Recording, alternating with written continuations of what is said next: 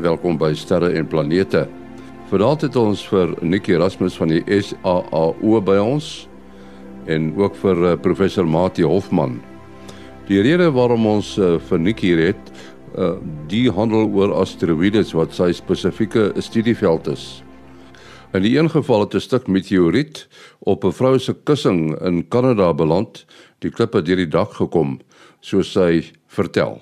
It sounded like an explosion happening. Jumped out of bed, ran over and turned on the light and saw a hole in my roof. Flipped back the, the top pillow, and there was the rock. Just thinking of that just makes my heart race. It was well over a kilogram, so I would say that big, yeah. It went through tin, asphalt shingles, plywood, and then uh, the drywall. Uh, is dit ongewoon, Nick? Uh nee, glad nie nie. Ehm um, ja nee, ek bedoel asteroïdes tref ons op 'n daaglikse basis. Ehm um, dit dis net ehm um, ehm um, die die wat 'n sekere grootte is wat stukke van hulle oorleef het na die na die ehm um, oppervlak van die aarde.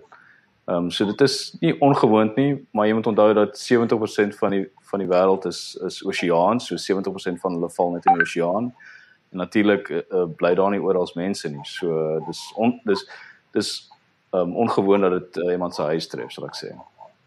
Maar dit is ook ongewoon dat 'n uh, asteroïde iemand self tref. Ja, ek uh, ek probeer net dink. Ek dink nie daar mag dalk een of twee uh um, gevalle wees wat wat um, ons al van weet, maar dit is baie baie skaars. Ja, ek het uh, so 'n dag of twee gelede met iemand gepraat in die versekeringsbedryf en gevra nou wat wat maak versekerings met so 'n voorval onder wat word dit gereken, weet jy? nee, nou vra jy my iets wat ek nie weet nie. ja, Mati, wat sou jy sê? Ek dink dit behoort gedek te wees.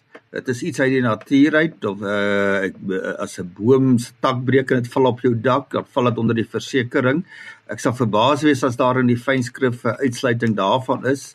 Hulle tipies uitsluitings weens uh oproer en oorloë en terrorisme. Dit is die uh, uitsluitings wat ek al in my uh, versekerings gesien het so ek gaan verseker ehm um, uh, hulle nader as so 'n uh, gat in my huis se dak verskyn. Maar dis nogal 'n storie om te vertel. Mense wil nou nie 'n noue ontkoming hê nie maar die Roof Hamilton wow ek meen die die stuk asteroïde het langs haar kussing daar het sy hom gekry. Uh wie kan nou nou nou so 'n storie die vertel en uh, ek verstaan die universiteit in in daai omgewing dis mos in British Columbia wat dit uh, gebeur het maar hulle het bevestig dat dit 'n uh, meteoriet is so dit is nie sommer 'n uh, fopnuus uh, storie nie. En uh, dit sy was sy was daar in die bed gewees en uh, geslaap toe sy nou nou wakker word van uh, van die storie. En ek dink vir al haar soos sy sê haar kleinkinders het 'n lekker storie om te vertel. Uh, Ek het al gehoor van 'n van 'n vrou, dis nou nie te lank nie so in die laaste paar jaar wat se arm getref is deur 'n stukkie meteoriete wat sy was goed opgehang het. So die 100% van die gevalle wat ek nou van weet van 'n nabye uh, uh, ontkoming met 'n meteoriet was vrouens. So hulle moet maar lyk by sy Ja. En natuurlik ehm um, um, Mati, ek weet, ek weet nie wat gebeur het met die meteoriet of sy dit geskenk het aan die universiteit of iets nie, maar van hierdie meteoriete is nogal baie geld werd. So ehm um, jy weet dit daar's miskien skade aan jou huis, maar miskien kan jy 'n paar rand maak deur die meteoriet te verkoop.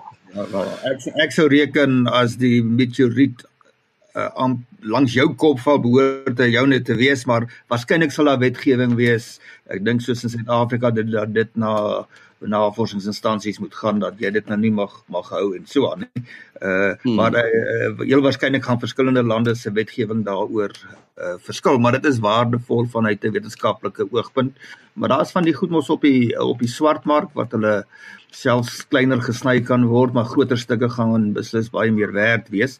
Ek weet destyds, wat dit kan nou 15 jaar terug wees, het hier een in Lesotho geval. En toe was daar 'n hele klompie stukke verkoop. Daar was onlangs een in Botswana. Ehm um, dis die ene wat op uh, kameras gevang is wat deur wat deur die lug gekom het. Ehm um, en so daar was 'n hele span van Kalifornië ehm um, wat uitgekom het en hulle het 'n uh, klomp mense van Botswana Universiteit gekry en ook ehm um, uh game rangers om hulle te help om hierdie meteoriet te gaan soek daar in die in die bos en hulle het toe 'n stukkie gekry. Ja. Hmm. Ja, wat wat nou interessant is in die geval van die een daar wat nou daar op Roof Hamilton se huis geval het. Uh, hulle het eers uh, vermoed dat dit nou 'n uh, konstruksie perseel nie te ver van daar af sou wees wat hulle partykeer dag en nag werk uh, dat hulle daarvoor verantwoordelik was, maar hulle het nie geskiet dinamiet geskiet op daai stadium nie, maar hulle het toe uh, by 'n verskeidenheid van van kameras, sekuriteitskameras en soos hulle sê die dash uh, kameras wat die ouens hulle motors het, uh, was daar genoeg dat hulle wel 'n uh, 'n vuurbal gesien het wat dan nou uh, die voor met daardie bepaalde stuk meteoriet geassosieer sou kon uh, kon wees. Ek het nou nie die detail van die tye en so aan gesien nie, maar dit lyk of hulle taamlik oortuig is dat dit nie maar sommer net 'n uh, ander klip is wat daardeur haar dak gekom het nie. Ja, Nik, uh, Matthew het 'n belangrike ding aangeraak daar. En jy weet ons praat van 'n asteroïde, 'n meteoor en 'n meteoriet. Hoe verskil die drie? Ja, so ek ek jy weet selfs die professionele mense meng meng die tydjies maar op.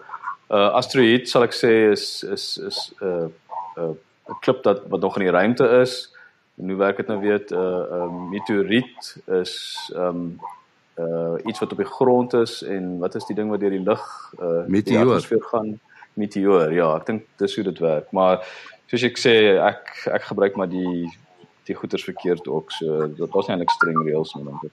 Ja, ek weet net as hy as hy die aarde getref het dan is hy geoloog hom op. En voor hy die ja, aarde getref het dan is hy sterrekundiges hom op.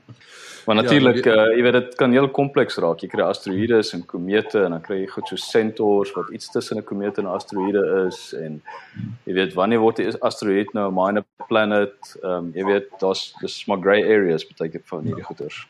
Ja, ja, en dan hulle nou nog as dit die aarde inkom, dan betaal, praat hulle partykeer van 'n vuurbal en partykeer van 'n boloïde. So daar's ook 'n onderskeid afhangende van presies hoe helder hy is. Ek ek, ek weet 'n vuurbal is as dit helderder vertoon as Venus. Uh dis mos nou helderheid hier by -4 rond, maar ek weet nie hoe wanneer op watter stadium dit 'n boloïde word nie. Die Engelse term is boloid. Uh as ek dit nou reg uitspreek. Ja, ek is ook heeltemal seker waar daai ehm um, ja, diferensie is nie, maar dit dit dit, dit klink vir bekend daai. Ja, nou die afgelope week is daar ook 'n sending opgestuur in die rigting van Jupiter as ek dit mis dit nie. Uh daar's asteroïdes wat in daai omgewing uh rondwentel. Weet jy iets meer daarvan, Nik? Ja, so uh, hierdie uh, uh, mission is die Lucy mission Um en hulle gaan af van die Jupiter Trojans toe. Nou die Jupiter Trojans is um asteroïdes, baie ou asteroïdes. Um wat in die L4 en L5 Lagrangian point is. So dis punte waar jy weet die gravitasie tussen Jupiter en die son so half uitkanselleer. So jy kry hierdie wat so mense noem gravitational wells amper waar hierdie um asteroïdes nou sit. Um en so Lucy gaan meestal na Trojans toe, maar ek dink miskien een of twee main belt asteroids um, ook op pad sien toe. Nik ek wonder nou, hulle so praat so baie van die Lagrange punte waar hulle nou allerhande ek ben die natuur versamel voorwerpe daar en dan het hulle nou nog teleskope wat hulle ook daar wil uh, plaas ek ehm um, die, James Webb teleskoop gaan na een van hierdie Lagrange punte toe. Nou wonder ek presies hoeveel plekke daar is. Dis omtrent soos die satellietbane of dit op 'n stadium 'n bietjie oorbevolk kan word daar. Uh, maar dit sal nogal interessant wees hoeveel is dit nou in die orde van honderde by honderde by honderde kilometers wat 'n mens nou kan sê dit is waar die Lagrange punt is en of is dit nou 'n paar duisend by 'n paar duisend kilometer ek het nou nog nie self daai detail inligting gaan soek nie maar ek dink is nogal belangrik om te weet. Ek het ook dieselfde vraag vir iemand die ander dag gevra ons het 'n praatjie geluister uh, na ehm um, satelliete wat na die son kyk um, en hulle gaan ook 'n satelliet daar sit. Ek dink is ek sou nie seker wat se Lagrange point dit was nie. Toe vra ek vir hom nou is dit nou uh, jy weet nou waardevolle spasie daai want jy weet as elke land nou 'n satelliet sien toe wil stuur gaan dit 'n bietjie crowded raak na rukkie. Daar is natuurlik 'n uh, enkele punt die L4 en die L5 Lagrange points van Jupiter is ehm um, jy weet jy wat groot areas so die die asteroïdes is duisende kilometers van mekaar af en hulle sit almal in hierdie punte. Ehm um, so dis nie asof dit 'n enkel punt is waar al die ehm um, asteroïdes ehm um, opgeknop sit nie. Goed, ons het hier 'n luisteraarsbrief van 'n uh, ou met die naam van Piet Blootvoet. Ek weet nie of dit nou sommer 'n bynaam is nie, maar uh hy het verwys na die sending uh, van die Blue Origin wat uh hoog in die ruimte is, selfs hoër as die ruimtestasie. Maar hy hy wil toe nou presies weet waar begin en eindig die ruimte, Matie? Uh Henny, ons het al by geleentheid daaroor gepraat. Uh dis ongeveer in die orde van 100 km bo die aarde. So dit is beslis nie 1000 km uh soos wat uh, wat hy in sy epos vra of dit nie ongeveer 1000 km uh, moet wees nie. Ehm um, daar is uh, 'n uh, 'n bepaalde streek wat jy as jy bo daardie hoogte is, maar dis nie oral op die aarde dieselfde nie, maar as jy in die 90 km uh, wat jy nou kan sê as jy nou buite daardie bepaalde gebied is, dan is jy in die ruimte, maar dit hang van uh, land tot land af, maar in elk geval ongeveer uh, 100 km en Uh, dit is nou dit is nou seker 'n belangrike punt want almal wil nou nie almal nie maar baie mense wil graag in die ruimte wees. Al is dit nou net vir 'n paar minute of 'n paar ure tot Captain Kirk van van uh, uh die die akteur wat nou in die 90 is het nou die geleentheid gehad. Dis nou nogal 'n mooi storie daai uh dat hy nou die geleentheid gekry het na hy die rol van die kaptein van 'n ruimteskip uh lank gelede moes gespeel het, was dit nou in die 1960s gewees. Uh daardie reeks het 'n baie groot impak gehad op uh, wetenskaplikes wêreldwyd. Al was dit nou wetenskap uh wetenskap fiksie.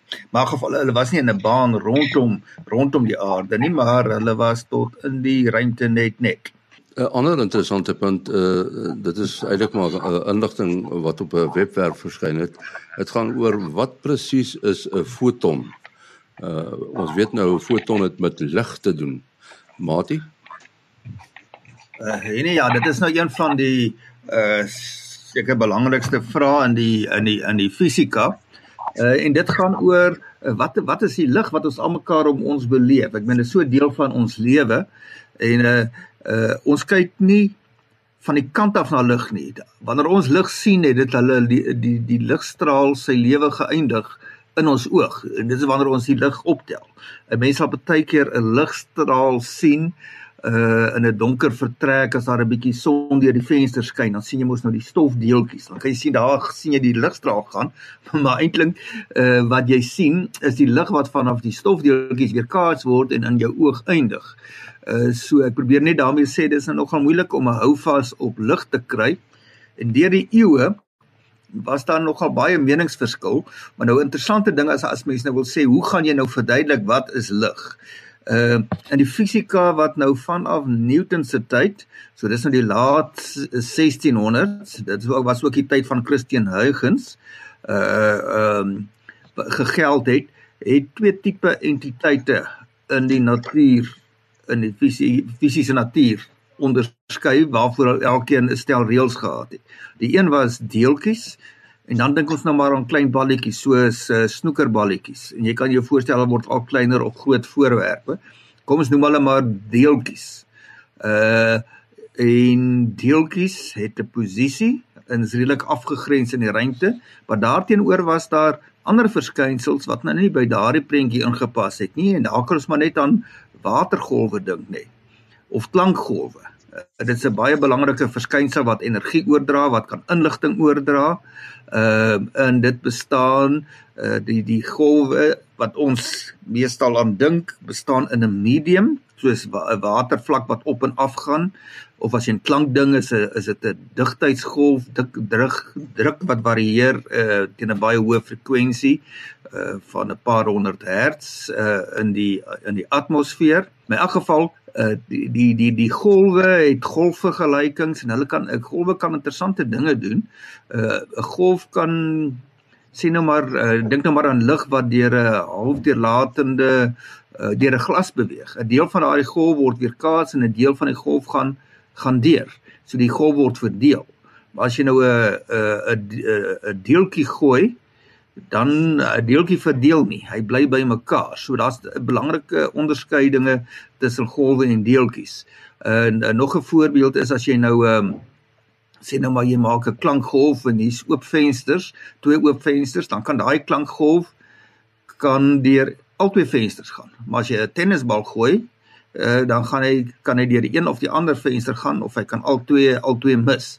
So die debat was of lig en dit was nou in die tyd van uh, Newton en selfs voor da uh, voor toe uh of dit nou as 'n tipe golf beskou moet word in 'n medium en of dit soos bundel deeltjies is wat baie baie baie klein is.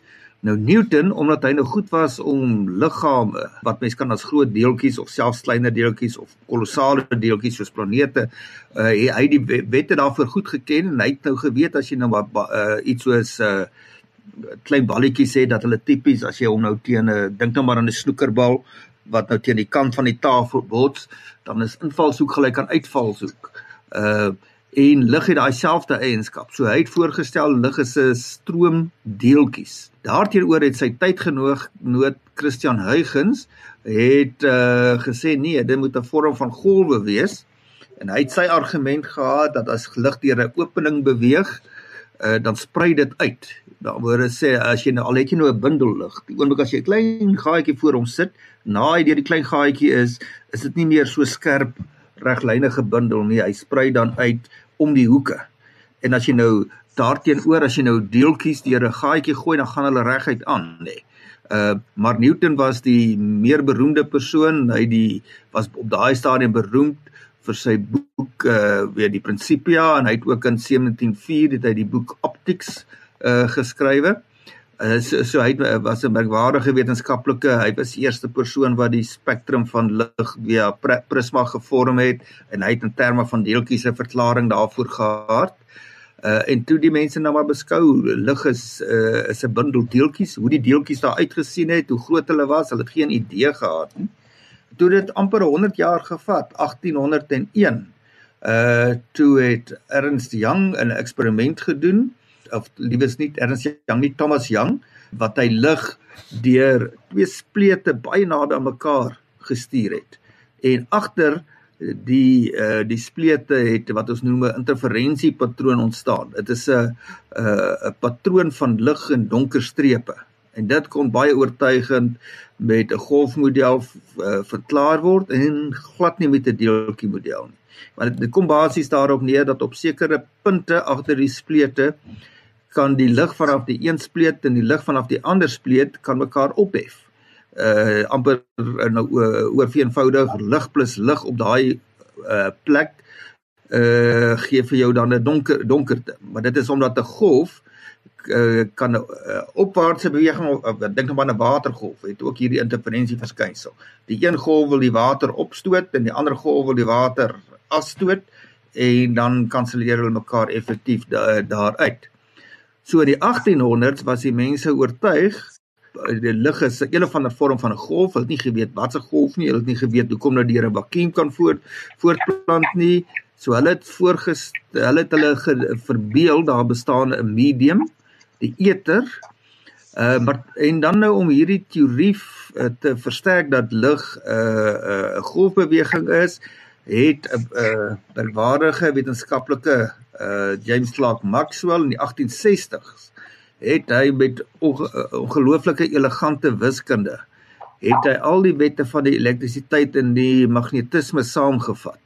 Dit is nou goed wat ons op skool van geleer het, Coulomb se wet wat sê hoe negatiewe en positiewe ladings mekaar beïnvloed en dan die wette van induksie wat vir jou sê dat uh as jy 'n uh, magneetveld deur 'n uh, 'n uh, 'n geleidende lus verander dan indiseer dit 'n stroom in die lus. Dit uh, en dit kan jy nou mooi wiskundig beskryf en uit uit uit op vier vergelykings afgekom en uit daai vier vergelykings het hy die bestaan van ehm um, elektromagnetiese golwe voorspel en hy kon sê wat die spoed daarvan is en daai spoed het ooreengestem met die spoed van lig wat toe nou al gemeet kon word. En dit het dan gesuggereer dat lig 'n uh, vorm van elektromagnetiese golwe is.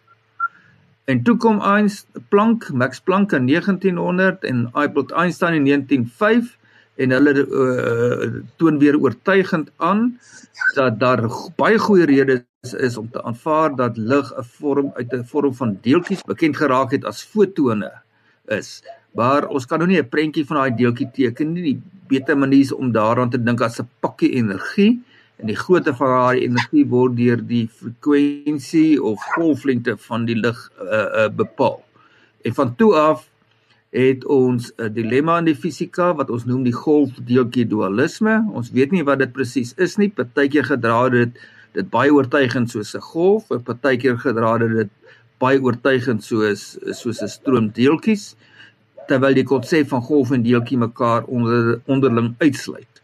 So dit is nou maar een van die diep misterieë misterieë van die van die fisika, maar die wiskunde wat hulle uitgewerk het, uh, wat hulle daar gestel het stel ons in staat om daarmee uh, om die ding te kan bestuur, om te weet om te kan voorspel wat ons gaan kry as ons watse soort eksperiment doen. Ehm uh, So dit is eintlik 'n baie diepgaande gaande storie. Die mense wat belangstel kan gerus maar 'n bietjie gaan Google daaroor. Uh, um, dit het tot groot debatte in die fisika gelei. En uh, ek dink ek moet nou maar eers met die verduideliking op hierdie vlak uh, vol, uh, volstaan. Nik, jy jy werk nou by die SAAO en hoofsaaklik met uh, asteroïdes. Uh hoe hoe werk julle waarna kyk julle waarskynlik asteroïdes maar is daar spesifieke asteroïdes wat julle na kyk? Ja, so die die groep wat ek by is, ons um fokus op uh, wat ons noem near earth asteroids. Um ons kyk ook 'n bietjie na die main belt asteroids. Um en so elke nou en dan na die Trojans, dis nou die asteroïdes waar um van Lucy gaan kyk. Um maar maar meestal near earth asteroids dis dis dis die asteroïdes waarop ons fokus.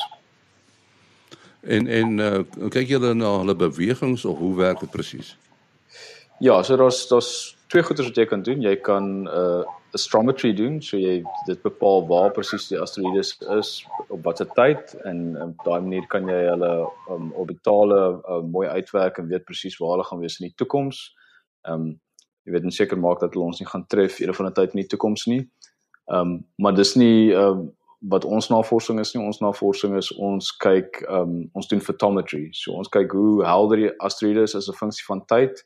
Ehm um, en nie net ehm um, ehm um, hoe helder hulle is uh ehm um, in een golflengte nie, maar in verskeie golflengte en ehm um, as ons dit doen of of met uh, spectroscopy of met multi uh, uh multiband photometry kan ons 'n bietjie ehm um, leer van wat die asteroïdes van gemaak is. Uh, wat wat is die oppervlak? Waar waarvan bestaan dit? Nou die getalle asteroïdes uh is dit min of meer konstant? Uh die aantal asteroïdes is min of meer konstant, maar um ons ontdek nuwe asteroïdes elke dag. So die nommers uh deesdae is iets soos um net oor die 1 miljoen main belt asteroids waarvan ons weet um en net oor die 20000 near earth asteroids. Um maar soos ek sê ons ontdek nuus elke dag. En en jy kan waarskynlik ook sien waarvan die die klip gemaak is.